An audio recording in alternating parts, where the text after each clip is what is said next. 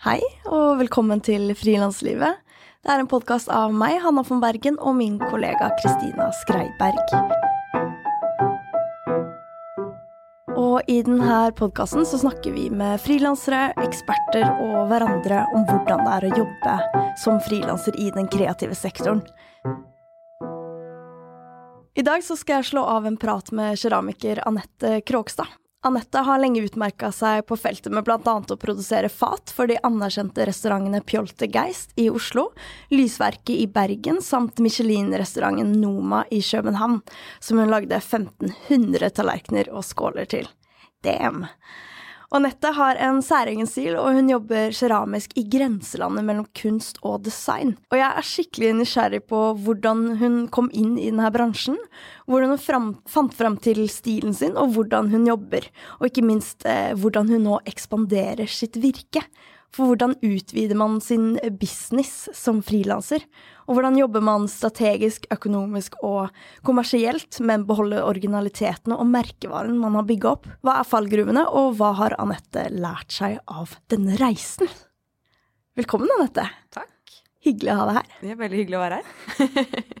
Nå er det jo nesten synd at uh, dette er et lyttende format, uh, siden det du driver med jo må oppleves uh, visuelt. Og det er utrolig vakkert det du lager.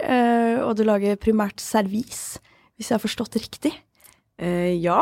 For å si det på en sånn detaljert måte. Jeg lager keramikkobjekter som hovedsakelig skal brukes til å servere mat på, i eller fra. Ok, ja, men det er fin måte Eller på, en enklere måte. Jeg lager tallerkener, skåler og boller. Ja.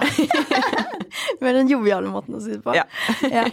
Ikke sant. Eh, for hvordan vil du på en måte beskrive stilen du har på disse bollene og fatene og, og tallerkenene? Ja, hvordan skal man beskrive den stilen? Jeg håper jo og tror at det er en egen stil på det. Jeg liker jo å jobbe liksom veldig tradisjonelt Eh, hvordan jeg fremstiller de, men så liker jeg å liksom frike ut litt med glasurene, da.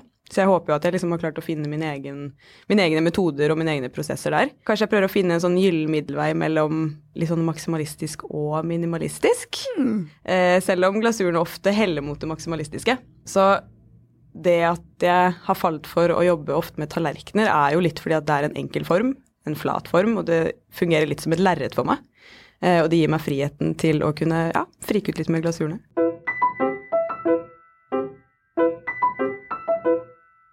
Du har jo en master i kunstfag fra Kunsthøgskolen i Oslo, og så har du en bachelor fra, med produktdesign fra Høgskolen i Oslo og Akershus. Og så er jeg litt sånn nysgjerrig på, før det her, hvis man tenker sånn tilbake i tid, eh, hva fikk deg til å starte med keramikk? For nå føler jeg at keramikk er kanskje en ganske sånn kul greie, at det har en, eh, har en litt sånn status. Men jeg vet ikke, når jeg var yngre, så var ikke keramikk noe, i hvert fall jeg, tenkte at var mulig å drive med, nesten? Altså, keramikk og kunsthåndverk var jo ikke et begrep som eksisterte i min verden engang da jeg var uh, yngre. Uh, det var jo bare kunst. Det skulle liksom være kunst og spesielt, og det var da selvfølgelig maleri. Men så har jeg alltid vært jeg vet ikke hvor, Det har liksom vært en sånn udefinert lang prosess på hvordan jeg havna inn på keramikken, men fordi første gang jeg opplevde, eller jobba med keramikk. Da var da jeg gikk på en uh, privat kunstskole i Bergen. Da skulpturerte vi ut, vi hadde en modell, og vi skulpturerte ut liksom ansiktet hennes. Og jeg syntes det var så vanskelig. Det var gøy, men det var liksom, jeg fikk det ikke helt til, da. Uh, og det er jo først når jeg begynte på produktdesign at jeg virkelig oppdaga keramikken. Og det var mest Da ble vi jo introdusert for litt mer sånn industrialiserte prosesser, det med støping og sånn. Og da opplevde jeg jo liksom det å kunne framstille helt sånn rene flater. Det var da jeg begynte å Nesten alle prosjektene vi hadde, liksom klarte jeg å liksom overbevise meg selv til å kunne liksom Ok, hvis jeg gjør det på den måten, så kan jeg jobbe med keramikk. Hvis jeg liksom drar det den veien, så kan jeg også jobbe med keramikk. Men før skole og sånn, så var det jo Jeg skulle bli maler. Det var jo det jeg skulle bli. Men der igjen ser jeg jo nå den tiltrekningen jeg har mot flatene. Altså tallerken og den flate flaten som blir som et lerret, gir meg jo det er jo, det, det er jo litt som å male. Litt som å male abstrakt med glasurene. Absolutt. Ja. Så jeg har bare funnet den måten som passer for meg å male på. Ikke sant. Det er jo kjempemorsomt. Er det, hadde du noen spesiell grunn til at du ville bli maler, eller hvor, hvor kom den ideen ifra? det var vel Jeg vet faktisk ikke helt hvor det oppsto. Jeg har alltid vært glad i å tegne. Og alltid liksom På barneskolen så var det alltid dekke pultene med hvitt papir så man kunne sitte og tegne på pultene, og jeg husker jo før barneskolen også, så mamma var jo barnevakt for meg og et par venninner sånn i barnehagealder, da. Eh, og da var det alltid liksom tegneblokker og mye tegnesaker og og så kom jeg vel i en eller annen form for trassalder, hvor jeg skulle bli veldig spesiell og skulle gjøre alt det mamma ikke ville at jeg skulle gjøre. Og da bygde jeg opp en sånn uh, idé om at jeg skulle bli den her sånn sære kunstneren, og da var det jo selvfølgelig det å sitte og male med oljemaling og brenne røkelse på rommet og skulle drikke rødvin og ja. Røyke. ja, det er sånn fantastisk på en måte, ideal, litt sånn motsatt ideal som man har. Sånn der jeg skal bli en sånn sykt original, spesiell, ja, ja, ja, eksentrisk kunstner. Ja. Men så skjønte jeg jo det at jeg er jo ikke så eksentrisk, og jeg er jo ikke så Jeg har jo ikke behov egentlig for å være jeg hadde, jeg hadde et behov i ganske mange år for å være veldig spesiell, men så begynte jeg vel sakte, men sikkert å skjønne at men jeg trenger jo ikke det. Altså, jeg trenger jo ikke å gjøre usunne valg og være sær for å være kreativ. Nei, Eller bare for å være sær for å være sær. Ja, det er ikke sant. Veldig ja, ja, naivt og lite voksent. ja, ja, men jeg kan også kjenne meg igjen i det her. Da jeg var yngre, så var jeg mye mer sånn her Å, det, jeg syntes det var så viktig at man skulle være så egen og, og spesiell og unik. Og så jo eldre man blir, så tenker man mer at ja, men alle er folk, og folk er forskjellige, og min tvillingbror som har hus og barn og bor i Fredrikstad, er så happy, og jeg er liksom sjalu på han for visse ting. Ja. Og han er kanskje sjalu på meg for visse ting. ting. Ja. Og det her, den måten at man skal ja, være på en veldig spesiell måte, også kanskje i kulturfeltet, mm. med det her eksentriske. Og, og, sære, da. Det tror jeg mange, mange har, en, har, en, slags forestilling om. Ja, ja. Kanskje spesielt når man er yngre. Ja, spesielt når man er yngre, og det merker jeg jo litt sånn eh, ja, alder og erfaring, men ja, kanskje alder mest. Man slutter liksom å bry seg om hva Når man slutter å bry seg om hva andre tenker om en, eller hva en skal være eller fremstille som, så finner man jo sin rette form, da. Absolutt. Ja. Og det, den rette formen for meg var ikke da røyk med munnstykke og rødvin hver dag. Det var heller en løpetur i skogen. Ikke sant? Rett og slett. Å, det er så fint. Og jeg har eh, jo lest meg litt opp på deg. Og jeg ser jo på din kropp også at du har veldig mange fine tatoveringer. Eh, og så leste jeg at du har jobba som tatover. Ja, to ganger har jeg faktisk prøvd meg som tatover. Ja.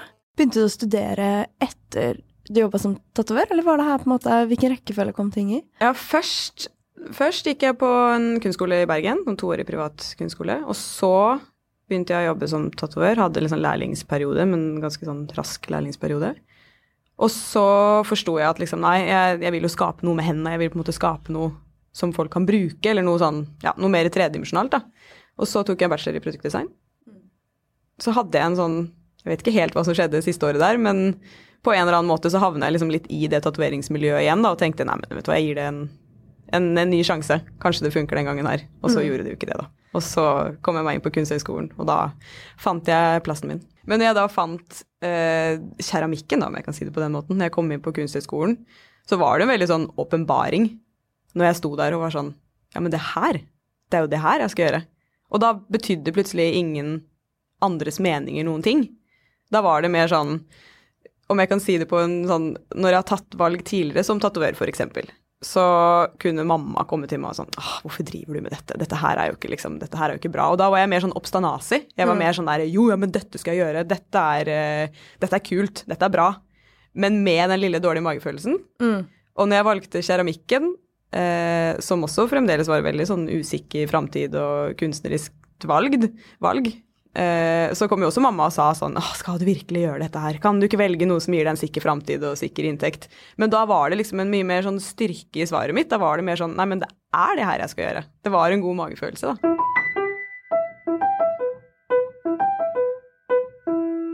Jeg har lest at du syns det er eh, utfordrende å blande det å være designer med det å være kunstner. Og sånn som jeg introduserte deg med, så opererer du på en måte grenselandet mellom de to. Eh, og så lurte jeg litt på eh, om du kunne utdype, utdype, det, og hvordan du forholder deg til måte, ja, kunst og design. De to verdenene? Ja. ja. Eller er det to verdener? Nei, det var er... kanskje det en periode, men det er jo ikke egentlig det nå lenger. Og det var nok mest i starten jeg begynte på Kunsthøgskolen på master der, at jeg var liksom veldig nervøs for akkurat det. Fordi jeg var nervøs for ikke kunne nok, eller vite nok om konseptbasert kunst og kunstteori og altså begrepet rundt kunsten. Jeg hadde jo ikke lest kunst på mange år, og det var jo også noe av grunnen til at jeg Jeg begynte jo på kunstskole i Bergen, men gikk over til produktdesign nettopp fordi at jeg syntes det var så mye eh, Jeg klarte ikke å henge helt med på liksom alt det politiske og konseptuelle bak kunsten, da. Jeg ville jo egentlig bare lage fine ting, i anførselstegn. Så i starten var jeg veldig redd for det, og så var jeg ganske jeg visste ikke hvordan det ville bli mottatt å begynne å liksom snakke om designmetodikk og produksjonsteknologi og markedsføring. Og markedsføring av kunst er jo noe som jeg føler at liksom, det var ikke lov å si engang for mange år siden. Mens nå er jo liksom eh, Alle dører er jo åpne for å tolke eh, og kunne jobbe på den måten man selv vil. Og det er jo utrolig fint. Så nå er, det, nå er jeg ikke flau for å si at jeg markedsfører kunsten min. Altså, jeg vil at kunsten min skal være et brand. Jeg vil eh, nå ut til flere folk, og jeg vil leve av det jeg gjør, og da er det liksom Da er det ganske Det er nødvendig Mm. å, å markedsføre kunsten sin, rett og slett.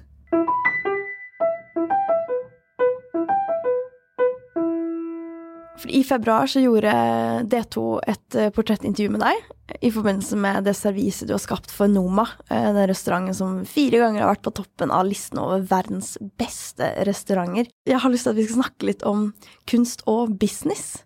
Fordi eh, du har jo gjort det her veldig store oppdraget, og du jo, har jobba mye for veldig anerkjente restauranter med å skape servise. Servis for dem? Servise? Servise. Servise. Servise, ja. Boller og tallerkener. Boller og tallerkener. skål der.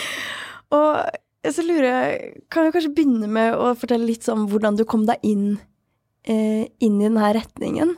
Det var jo, når jeg gikk på Kunsthøgskolen, så fikk jeg et oppdrag fra Yla Jali, som eksisterte da. Det var jo en restaurant som var eh, Even Ramsvik var jo hovedkokk der, headsjef.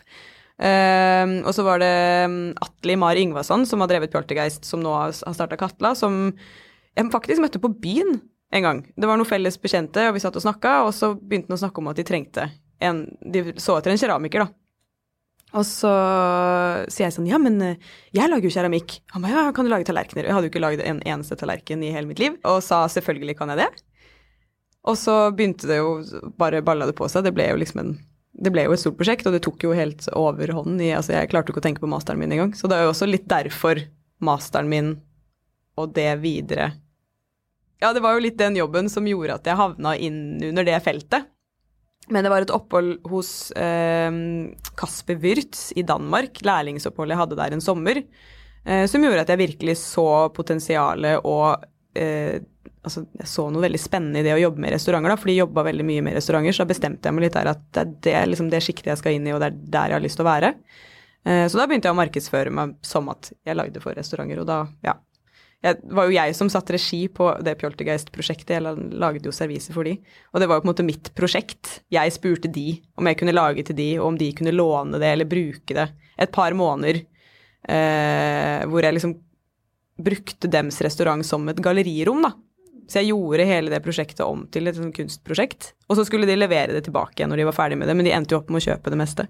Um, Ok, Det er utrolig interessant og veldig sånn kul måte, for vi nevnte jo litt det her med markedsføring eh, og, og kunst og keramikk, mm. og hvordan du da har aktivt på en måte gått, gått til de også. For Ja. det er jo en veldig ny måte å selge seg inn på, og ikke si sånn hei, jeg lager det her, vil du kjøpe det? Men mer sånn, kan jeg lage et kunstprosjekt, og dere kan være Prøvekaniner. ja, prøvekanin. Ja, ja, men det ble jo det ble, Ja, eh, det var jo litt sånn det var. Og når jeg tenker på det nå, så var jo det et veldig sånn viktig sjakktrekk i måten jeg har gjort ting på. Og da var jeg litt sånn hensynsløs òg. Jeg var sånn Ja, men ok, dette er et kunstprosjekt, men det er også en måte å vise til restaurantverdenen i Oslo at jeg eksisterer, og jeg kan lage ting til restauranten deres. Så det var liksom en sånn Det var en todelt greie, da. Som jeg kanskje har innsett mer i ettertid at var veldig smart. Og, så, og sånn er det med mye av prosjektene jeg velger å gjøre. At liksom, man vet ikke der og da kanskje helt grunnen til at man gjør det. Og så i ettertid så får man litt sånn Ah, ja, men det var jo, det var jo en god idé. Det var Ja. supersmart.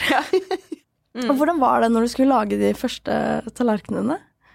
Til Til da han du møtte på, på Ja, altså det var jo et prosjekt Altså, ja, det var et prosjekt i seg selv. Jeg brukte jo en hel sommer, eh, mandag til søndager, på å få ferdig 15 store skåler. Altså, det var Helt. Og det er sånn, og prisen per stykk var jo altså Det, det hang jo ikke på greip i det hele tatt. 50 000 av det. Nei, ja, da støpte jeg jo, og, og det var så mye svinn, og det var så mye Jeg krongla altså så mye. Men det var utrolig givende, og det var utrolig spennende, og det var veldig gøy. Men det var også da jeg begynte å skjønne at hvis jeg skal fortsette med det her, så må jeg lære meg en, lære meg en produksjons... øh, jeg må gå en vei som gjør at det blir litt mer effektivisert, da. Mm. Og da var det dreying som sto i hodet mitt. At ok, jeg må lære meg å dreie. Mm. Det er liksom en gammel håndverkstradisjon. Den er eh, effektiv. Og jeg får jo mye mer kontakt med leira også, og den har liksom, ja. Det er mange deler ved dreying Sånn, som er Ja. For du lagde de første tallerkenene på en annen måte? Ja, da støpte jeg i gipsformer. Ah, Så hadde jeg sånn flytende porselensleire da, som jeg helte i gipsformer. Og det er jo egentlig en industrialisert produksjonsteknikk, sånn, sånn egentlig. Så å stå på et liksom verksted og gjøre det selv er ikke nødvendigvis Hvis ikke man har veldig stor plass, så er det ikke så veldig effektivt. Jeg hadde jo liksom to keramikkformer. Normalt sett har man kanskje 40, og så lager man tre støp om dagen, mens jeg hadde to, og fikk til ett støp om dagen, og den ene ble alltid ødelagt, i hvert fall. Men det er jo fantastisk at du også syntes det var så spennende, for det høres jo eh, relativt frustrerende ut da, den sommeren. Ja, det var en, eh, det var en ganske frustrerende sommer. Eh, Men det, altså, ja, det tok jo helt av, og jeg snakka jo med mm, Jeg snakka med de som er eh, ikke rådgivere. Når man tar eh, master på skole, så har man veileder. Veileder, Ja, jeg snakka jo med veilederen min om det her prosjektet flere ganger. Hun var sånn Jeg ser jo at du står og lager de her tallerkenene. Det er det eneste du gjør. Hva skal du gjøre til masteren din? Og jeg bare nei, vet ikke helt. Det, der, det var den der liv og død og det der dype konseptuelle og sånn som jeg ikke helt visste hva jeg skulle gjøre med. Og så sier hun men kan du ikke bare lage tallerkener? Og det var jo der den kunst- og design-greia kom, hvor jeg var sånn hæ, jeg kan jo ikke lage tallerkener på Kunsthøgskolen til en master. Det, altså, det går jo ikke. Men det var jo der også måltidet og de mellommenneskelige møtene og hele liksom, filosofien og konseptet bak det å dele mat og sånn kom inn, da. Så ja. Mm. Og så deilig, og så viktig rolle hun hadde, eller veilederen, å bare kunne ta litt hull på den ballongen, Ja. som er det der store kunstprosjektet og ja. Mm. Mm. Bare ta det ned til jorda og bare liksom, ja. Og så er det jo et veldig stort prosjekt du har gjort eh, de siste åra, som er for Noma. I Eh, fjor, hele, hele fjor var det. hele fjor, som er Michelin-restauranten i København, hvor du har lagd 1500 eh, skåler og tallerkener. Ja, altså det antallet det, Eller er det litt sånn Jeg må nesten gå tilbake og se på kontrakten, fordi jeg husker ikke lenger. Fordi det er, altså, det er jo et todelt prosjekt sånn antallmessig. er halvparten av objektene ble lagd i Danmark, eller på Bornholm.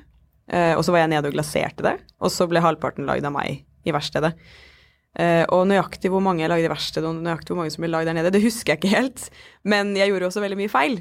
Så antallet er jo helt sykt mye høyere enn det jeg faktisk leverte, da. Så ja.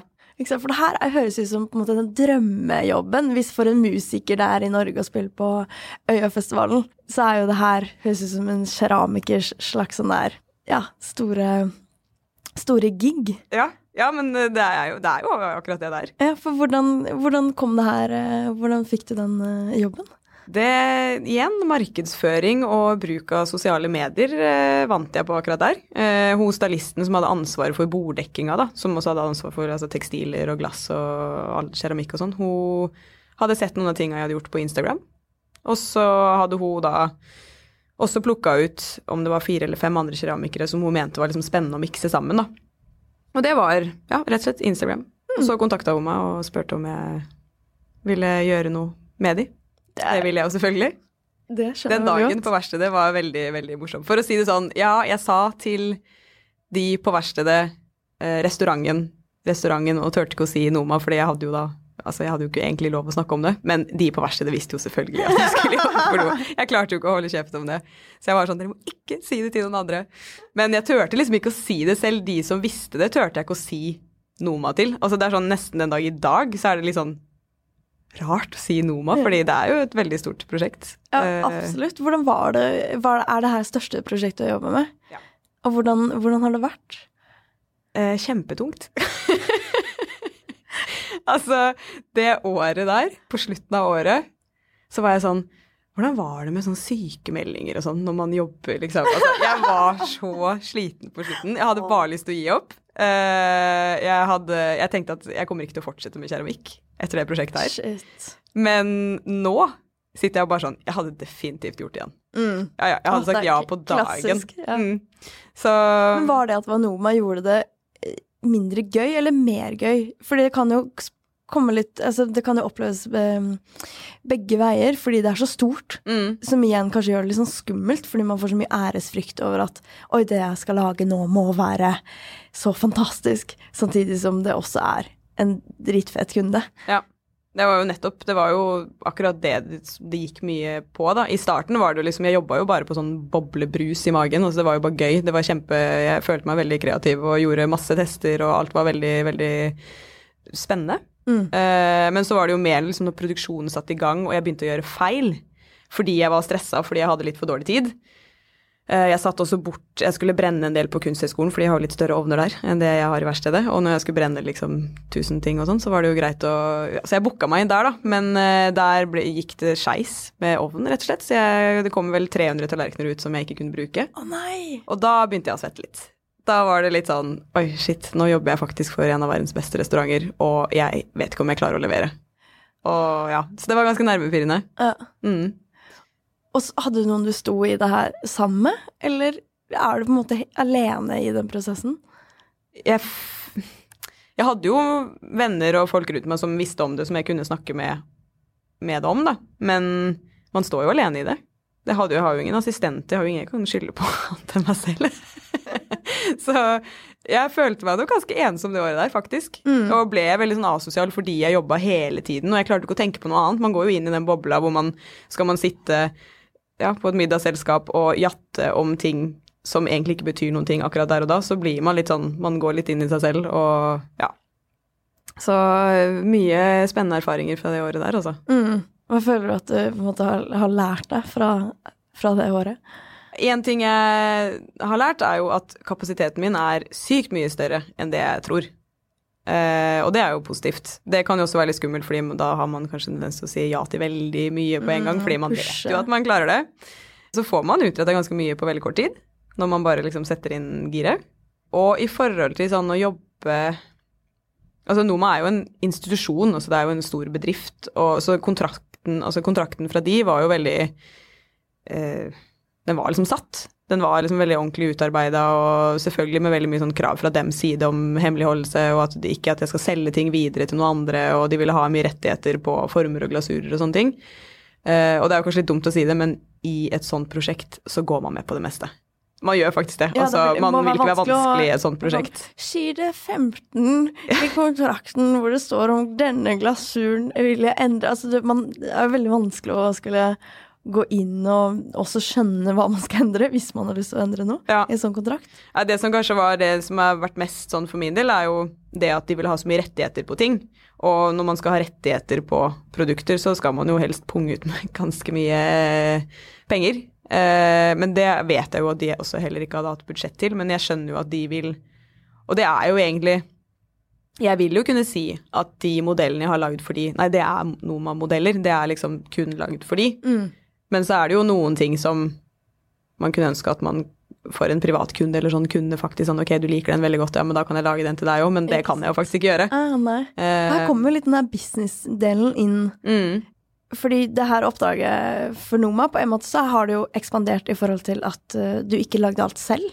Det er jo en måte å ekspandere på med at eh, Bornholm eh, lagde halvparten av skal man si, tallerkenene og skålene, som du så glas glaserte. Også med denne kontrakten, der kommer en del sånn businesselementer inn. Hvordan syns du det er å mikse kunst og business? Det er Igjen, som jeg har sagt, siden det prosjektet her var for Noma, så liksom finner man seg i ganske mye.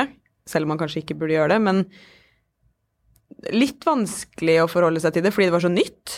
Det å få en 16 Nei, altså, det var, kontrakten var sikkert på 24 sider med liksom alt av detaljer og sånn. Og det å liksom Man vet jo ikke på et senere tidspunkt hva vil det punktet der egentlig bety for meg i framtiden? Hva vil egentlig det at jeg har sagt ok til å ikke lage den ene skåla der i den formen og med den glasuren på nytt igjen, hvis det er den som får masse oppmerksomhet, hvis den blir veldig populær. Eh, så det var jo noen ting jeg klarte liksom Jeg har blant annet en rosa glasur da, som jeg har lagd for en annen kunde tidligere. Eh, som jeg sa at den får dere ikke rettighetene på. Fordi den har jeg allerede lagd mye av, og den er allerede i omløp, og den er allerede en glasur som er i mitt repertoar, eller i mitt bibliotek, og jeg, jeg vil ikke liksom si den fra meg. Og da var de sånn, ok, men da vil vi i hvert fall at størrelsen på tallerken, altså den de har fått med den glasuren, får jeg ikke lage på nytt. Ok, Så jeg sånn, ok, greit. Så ja, så man, sånne ting kunne jeg jo si ifra om. Mm. Og så var det noen ting de bare ville ha helt for seg selv, og så var jeg sånn, ja, men den er også litt vanskelig å lage, så det går helt fint. men ja. Jeg, jeg føler siden det her er også litt sånn det første store sånn ordentlige samarbeidsprosjektet som er, som er så stort, og med så mye retningslinjer og krav fra dems side, så har jeg ennå ikke, og det, jeg leverte det jo i januar, så jeg har ennå ikke helt erfart alt med det prosjektet. Det er nok kanskje ting som vil komme fram senere. Eller ved et nytt inngåelse av et nytt prosjekt, så vil jeg kanskje tenke ok, men nå går jeg faktisk ikke med på det, eller hvis jeg skal gå med på det, så vil jeg ha mer betalt, eller ja. Ja. Å lære seg litt om ja, hva, hva ting innebærer, da. Mm, Det er jo litt nytt når det plutselig står, i, står en linje i en kontrakt. mm. På en måte, hadde du noe folk du tok inn Hadde du noen advokat eller noen som hjalp deg å lese gjennom og på en måte fagargumentasjon, eller du Jeg gjorde ikke det. jeg bare leste Jeg husker Jeg lurer på om jeg Kanskje jeg Nei, jeg sendte faktisk ikke kontrakten til noen. Tro det eller ei. Jeg bare Jeg gønna litt på, egentlig, for å være helt ærlig. Det er litt deilig, da. Ja. Altså, jeg har jo ikke drevet med det her så veldig lenge, så jeg føler jo litt sånn Jeg driver jo og prøver og feiler, og jeg syns egentlig det er helt greit. Og jeg begynner å oppleve at man har så mange muligheter. Man har så mange veier man kan gå, at om man brenner en bro der, eller om man brenner en bro der, så fins det alltid noen andre muligheter. Og der er jeg kanskje blitt kanskje litt selvsikker på det de siste årene, men sånn Jeg føler at selv om jeg har tatt et valg, så er ikke det avgjørende for hele min framtid allikevel, da. Og det er veldig viktig læring. Mm. Og det, er jo, kanskje det som gjør at veldig mange blir veldig stressa og slitne, og fordi man legger så mye inn i valga Mm. sine, at det blir så stort. Alt blir så stort og skummelt. Og ja, det å gønne litt på, da. Og jeg tror det er supersunt. Ja. Og, hva, og det her er jo et kjempestort prosjekt du har gjort. Hvordan har du liksom forholdt deg til det med prising? Og liksom skjønne, For du har sikkert hatt en pris på de tidligere oppdragene, ting du selger til privatkunder. Og, og hvordan har det vært nå med det her prosjektet i forhold til å sette en pris på ting? Ja, altså prising er jo et kapittel eh, for seg selv. Litt hatt en egen podkast. Ja, ja, ja. I forhold til det prosjektet her, så var de ganske sånn frampå med hva de var villige til å gi. De hadde allerede liksom De betalte ikke for utvikling av glasurene, f.eks. De betalte kun per objekt. Stykkpris. Eh, og så fikk jeg forhandle litt på det, da, så det var liksom noen av tinga sånn De jeg lagde i verkstedet, eh, ble litt dyrere, fordi der hadde jeg også med en ekstra prosess som handler om ja, i detalj, begitning, som handler om en innfarga leire, som var en sånn ekstra del i prosessen som gjorde at de tinga tok litt lengre tid å lage. Eh, og da krevde jeg at jeg fikk litt ekstra per, per objekt. Men når jeg regna ut den prisen de tilbød meg og, og sånn, så var det absolutt ikke en dårlig betalt jobb. Eller med tanke på at jeg jobba med den et helt år, eh, og alt det som var rundt, så var det jo på en måte en dårlig betalt jobb. Men hele dealen fra starten av var jo at vi betaler per objekt. Ja. Ferdig snakka. Om du hadde lagd det her om ti år, så hadde kanskje prosessen ikke vært over et år, eller Nei, ikke ja. sant. Jeg hadde, jo, hadde jeg gjort det prosjektet her på nytt nå, så hadde jeg jo brukt halvparten av tiden, mest sannsynligvis. Mm. Så Det er skikkelig vanskelig, det her. Det er et spørsmål som frilanser som er kjempevanskelig, for når du er ny i noe, så tar ting lengre tid. Mm. Og du bruker lengre tid, for det er veldig viktig for en også å liksom gjøre det helt sånn Gi alt man kan, da. Mm. Og plukke ut det beste, eller øh, Men det gjør jo også det vanskelig hvis man begynner å se på dagshonorar eller timeprisen. Ja, så jeg kan ikke reide ut uh, timespris. Altså, da hadde jo ingen kjøpt det jeg lager. Har, altså Etter fire år så begynner jeg liksom få liksom dreisen på prisene. Jeg vet noen har sagt til meg at de syns jeg fremdeles priser litt for lavt. Men jeg har en tenker at det handler litt om å en, finne Og det er jo litt fra den designmetodikken og det man har lært når man har tatt en bachelor i produktdesign. Sånn finne ut hvem er kundegruppen din, eh, hvem er det du vil nå ut til, hva er det du egentlig lager? Og det har jo også vært det der med å være kunsthåndverker eller jobbe som kunstner hvis man skal begynne å dra inn billedkunst. Eh, hva slags produkter er det jeg lager? Jeg lager jo unike objekter, men jeg driver jo en liten produksjon. Så jeg, må, jeg ligger jo litt sånn midt imellom, og da føler jeg også at jeg vil jo heller nå ut til flere enn å bare være en sånn veldig luksuriøs, eksklusiv, eh, unika produkt Mm. eh, kunstner, om jeg kan kalle det for det. Altså ikke at det er noe negativt, men jeg har liksom funnet ja, Eller definere, prøver å definere hvor jeg ligger, da. Ja, og da blir jo dette her grenselandet mellom kunst og design og Ja. ja. Uh, og det at jeg selger til noen butikker, altså det å selge til butikker gir jo meg en helt annen inntjening enn det å selge til en privatkunde. Og det å lage et servise til en privatkunde på kanskje 30 objekter tar meg like lang tid som å lage 100 objekter til en restaurant. Mm. Hvordan er det du jobber med å ekspandere altså, om dagen? Hvordan blander du kunst og business nå, nå for det? Uh, ja. Etter Noma? Jeg, er, eh, jeg føler jeg er liksom midt i et sted. Kanskje jeg begynner å slappe litt mer av på akkurat det feltet her. Fordi jeg har hatt en periode, og det var kanskje i sammenheng med Noma-prosjektet og litt sånn rett etter Noma-prosjektet, at jeg tenkte ekstremt mye på liksom framtid og økonomi og sikkerhet. Og når jeg var sliten og var liksom Klarer jeg virkelig det her? Er det her noe jeg Jeg må ekspandere, jeg må liksom Jeg må vokse, jeg må bli større, jeg må hele tiden lage nye ting. Jeg burde ansette noen, jeg burde få større verksted. Og jeg var liksom også kanskje, om jeg skal være helt ærlig, var jeg liksom misfornøyd med liksom, at verkstedet var for lite, og ovnen er for liten, og jeg har altfor mye jobb, jeg har altfor lite penger. Mm. Og, og da begynte jeg liksom å se etter sånne utveier, da. Hvordan kan jeg få det her til å bli bedre og mer og større og sikrere og Mm. Og det tok litt overhånd, rett og slett. Eh, nei, jeg begynte liksom desperat å titte rundt etter nye lokaler, men så så jeg at det ble for dyrt igjen. Og hvis jeg da skal ansette noen, eh, få et større lokale, skaffe meg nye verktøy, større ovner Altså det er jo en investering som jeg ikke har kapital til akkurat nå i det hele tatt. Mm. Så ble jeg sånn, ja, eller kanskje jeg bare skal gå liksom total artist, og bare sånn der, jeg skal bare bli kunstner og bare lage liksom noe sånn eksklusivt. eksklusiv, bare gå på kulturstøtte og søke støtter hele tiden og liksom fokusere på kunsten, da. Mm. Kanskje ta opp litt rødvin og Ja, ta fra.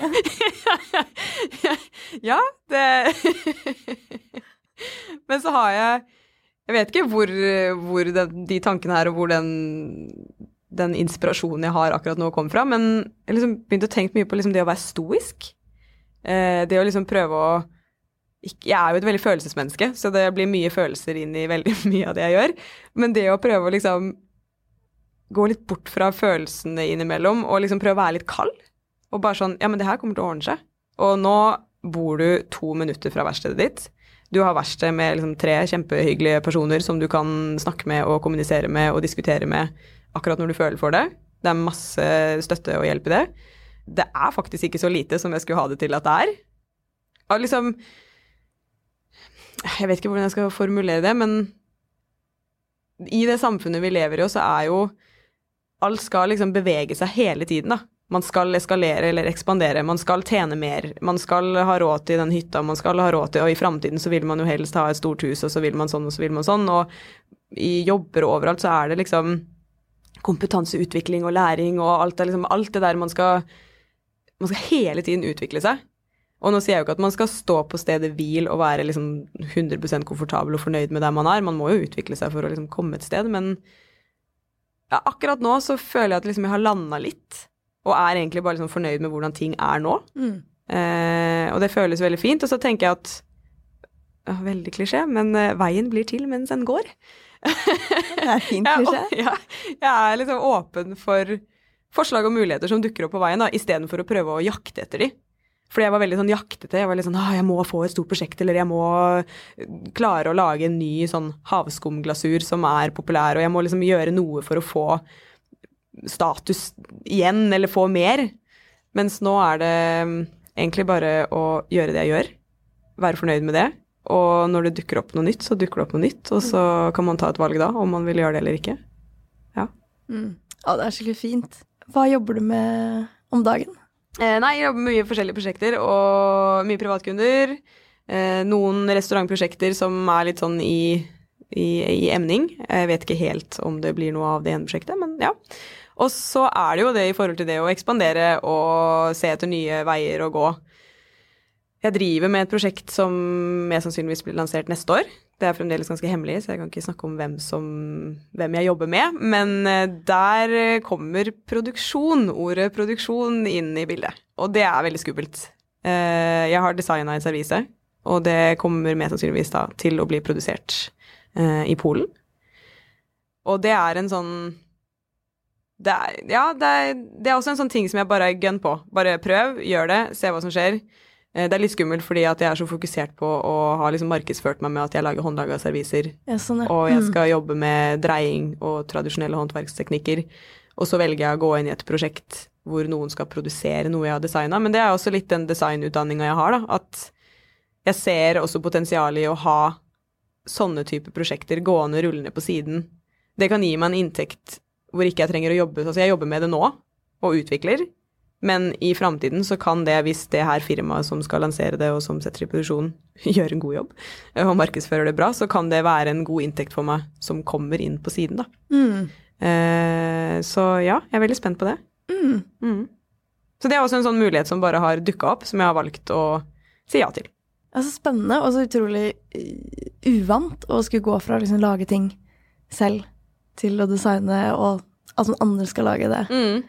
Man blir jo litt sånn Ja, man sier jo fra seg noe, eller man gir fra seg noe som man kanskje holder tett til brystet. Mm. Mm. Men så har jeg også passa på å designe noe som Altså, det skal jo ha min strek og min stil over det, men jeg har jo ikke liksom på en måte gitt bort mine signaturglasurer. Jeg har jo prøvd å lage en ny glasur som blir Det blir noe annet. Sånn at du kan skille de områdene Mm. litt. Mm. Ja. Og så har jeg mm, et annet prosjekt på gang som går litt tilbake igjen til det litt, litt mer, det litt mer kunstneriske og konseptuelle. Det er med Victoria Ginsler, som jeg deler verkstedet sammen med. Så vi skal mm, forhåpentligvis eh, klare å få noen liksom, utstillinger på gallerier og sånn med et prosjekt. Og det er Så det føles veldig Det er en sånn fin tid nå hvor jeg liksom sjonglerer mange ulike prosjekter Ja. på en gang. Og utrolig spennende å jobbe med den ene med Polen og liksom mer sånn produksjon. Litt mer sånn businessretta, egentlig. Og det Mm. her som er veldig ja, kunstretta. Ja. Og Eh. det jo At det går an. Og det er For det er for ja, Nå var det jeg gikk på Kunsthøgskolen, det begynner å bli noen år siden, men sånn seks år siden så følte jeg jo at det Altså, man kunne ikke jobbe ut så så ulikt, da. Men nå er det Det er helt greit. Mm. Og det er jo igjen kanskje litt sånn alder og erfaring, at man på et eller annet tidspunkt bare slutter å bry seg sånn veldig om hva andre mener. Og hvis noen har noe de skal si på det, så får det var deres, for det var deres problem. Fuck deg. Nei. Jeg gjør det jeg vil. Fordi du nevnte det litt i stad, at du er veldig fornøyd med der du er, og det høres ut som selv om du ikke liksom driver higer og har en sånn langsiktig plan nødvendigvis, så, så er det fortsatt mye som skjer, og du er veldig god på å utforske muligheter. Sånn som jeg ser det, så er du veldig god på å, å teste ut ting. Og se liksom OK, spennende, hvor kan det her bringe meg? Mm. Du, er det noe sånn langsiktig du jobber, jobber etter, eller er det bare mest det her å eh, Ja, å se hva som skjer? Altså, ja, jeg tenker at jeg Jeg har ikke noen sånn klare, langsiktige mål. Men klisjeen må jo være liksom å kunne leve av det man driver med, og ha en litt sånn sikker, stabil hverdag, kanskje. Eh, men jeg har jo også begynt å forstå at ord som stabilitet og forutsigbarhet er jo ikke akkurat noe som tilhører frilanslivet. Men jeg tror med de riktige valga og de riktige eh, rutinene, så kan man oppnå ganske mye kontroll, i perioder i hvert fall. Mm. Så et langsiktig mål vil vel bare være å bli trygg på meg selv og det, det jeg driver med, og kunne leve av det. Mm. Um, Er det sånn at du ikke kan leve av det nå? Har du liksom en, en, en del frilansere jeg snakka med, har en slags sånn pengejobb eh, ved Ja. siden av? ja, det er jo fordi nå har jeg jo vært så heldig å ha hatt arbeidsstipend i tre år. Oh, Det har vært Altså, hadde jeg ikke fått det arbeidsstipendet, så hadde jeg aldri vært der jeg er i dag. Uh, og jeg kjenner jo det at når det forsvinner nå i desember, så står jeg jo Det er jo ganske mye penger som forsvinner hver måned. Ja, det er jo- vel en halv, halv årsinntekt Ja. Cirka? Eller hva er det, 250 Ja, 000? 240 250 000 cirka. Ja, så det er jo utbetalt en rundt 14 000 i måneden. 15 000 Mm. Og det er regningene mine. Altså det er leie, studioleie og ja. Så jeg kjenner jo at det gjør meg litt nervøs, og det er kanskje litt derfor også jeg har valgt å ta en sånn jobb som da vi har snakka om det å sette ting i produksjon, fordi det kan gi meg Det kan hjelpe meg på veien til å gi meg en sånn inntekt, for jeg vet jo ikke om jeg får arbeidsstipend igjen. Ja, så med det arbeidsstipendet så har jeg jo kunnet levd bra nå de siste åra. Eh, fra og med neste år kan det hende det blir litt mer tight, Ja. så får vi se. Eh, men det er jo der kanskje det langsiktige målet kommer inn, at man har lyst til å leve av det. Og da må man finne noen alternative ruter å gå for å få til det, for jeg kan ikke bare sitte og dreie selv og selge til privatkunder, det gir meg ikke nok, da. Nei, Eller restauranter også, for den saks skyld. ikke sant. Men jeg er veldig jeg er åpen for ulike muligheter, og ingenting er skrevet i stein fra min side. Men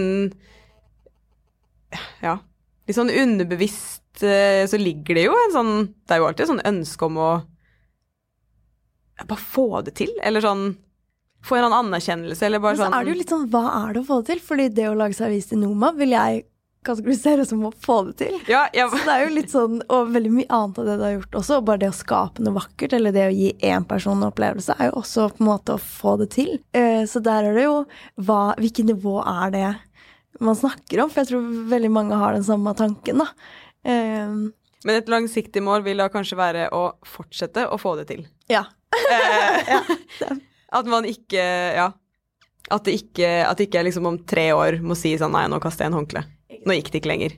Ja, og det er litt det som eh, jeg var litt inne på i stad med det å ekspandere, og min nyervervede interesse for eh, stoisisme, eller eh, å være liksom stoisk, er jo det å finne rutiner, eksempel. Altså, jeg elsker rutinene mine. Jeg har jo som hva er jeg sa- rutinene? Rutinene mine er eh, Klokka ringer halv åtte. Eller halv sju? Nei, vent da. Vent da. 7.30. Ja, halv åtte. Klokka ringer halv åtte. Nei, vent. Den ringer ikke halv åtte, den ringer halv syv. Ja, for faen, det er tidlig! Jeg vet det kan ikke halv syv. Jo, klokka ringer halv syv. Og så setter jeg den på ti på syv, så sover jeg 20 minutter til. Jeg trenger den der, Det er så digg å bare sånn Ok, jeg har 20 minutter til. Og så er det rett opp. Eh, spise frokost. Alltid havregrøt med syltetøy. Og så er det ned på verkstedet, lage kaffe, begynne å lese mail og svare på mail og liksom se på lista, se på kalenderen, se hva man skal gjøre den dagen.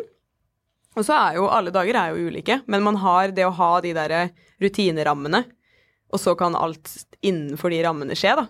Mm. Det føles som en sånn Og jeg tror jo mer kontroll man får på det, jo mer sånn stoisk kan man være i de avgjørelsene man tar, og de prosjektene man har. Og når det kommer eh, busy perioder når man har mye å gjøre Hvis man har de rutinene lagt inn, så klarer man å forholde seg mye mer rolig til det også. Hva syns du er mest utfordrende med å frilanse? Ja, det er eh, Akkurat nå føler jeg at det er litt sånn å sette av tid, eller gi meg selv tid til å jobbe med det kreative og det intuitive, og det å liksom bare utvikle og teste ut ting. Eh, og det er kanskje har litt å si på at jeg begynner å tenke på at jeg må liksom tjene inn de pengene som jeg ikke får fra arbeidsstipend neste år, f.eks., så blir det veldig mye mer fristende å bare sånn Ja, men hvis jeg bare tar den ene jobben her til, og den ene jobben her til, og den jobben der også, så vet jeg at da har jeg spikra for de tre månedene med inntekt der, og så gir man seg ikke lov til å liksom utfolde seg kreativt, da. Ja, det er kanskje akkurat nå den største utfordringen, men så er det jo når man uh, begynner å snakke om hva som er det beste med å være frilans, da kommer også utfordringen inn, for det handler jo liksom om den derre balansegangen hele tiden. Eh, Det er med rutiner, eksempel, at jeg elsker rutinene mine, men hvis jeg går for mye ut av de, så sklir de jo ut. Og da er det en utfordring å komme seg inn igjen. Eh, ja. Jeg kjenner også på at mye ting er veldig eh, todelt. Mm. At mange Ja, er prosjekter også har gjort, sånn som du kanskje snakker om Nomo, er på en måte det er helt fantastisk, og det er helt jævlig Mm. samtidig. Det er begge ting på en gang. Ja. Så for å si for å snakke om utfordringene, så må man også snakke om det som er det beste. Men det er jo også det sånn med å snakke om det som er det beste, den følelsen av mestring, eksempel. Det å få til noe. Mm. Og der kommer jo igjen utfordringen igjen. Altså sånn når man føler at man ikke får til noe, eller når det er liksom noe som ikke fungerer. ja, når du står, der med de 300 tallerkenene Ja, i ovnen. for eksempel. Og du vet at du får ikke lov, selv om de kanskje ikke ser akkurat ut sånn som du ønsker at de skulle se ut, så får du heller ikke lov til å selge de videre, for de ligner jo på Mm. Det som skal leveres, så da er det jo bare å knuse i vei, da. Det var hardt. Jeg knuste mye greier, ja.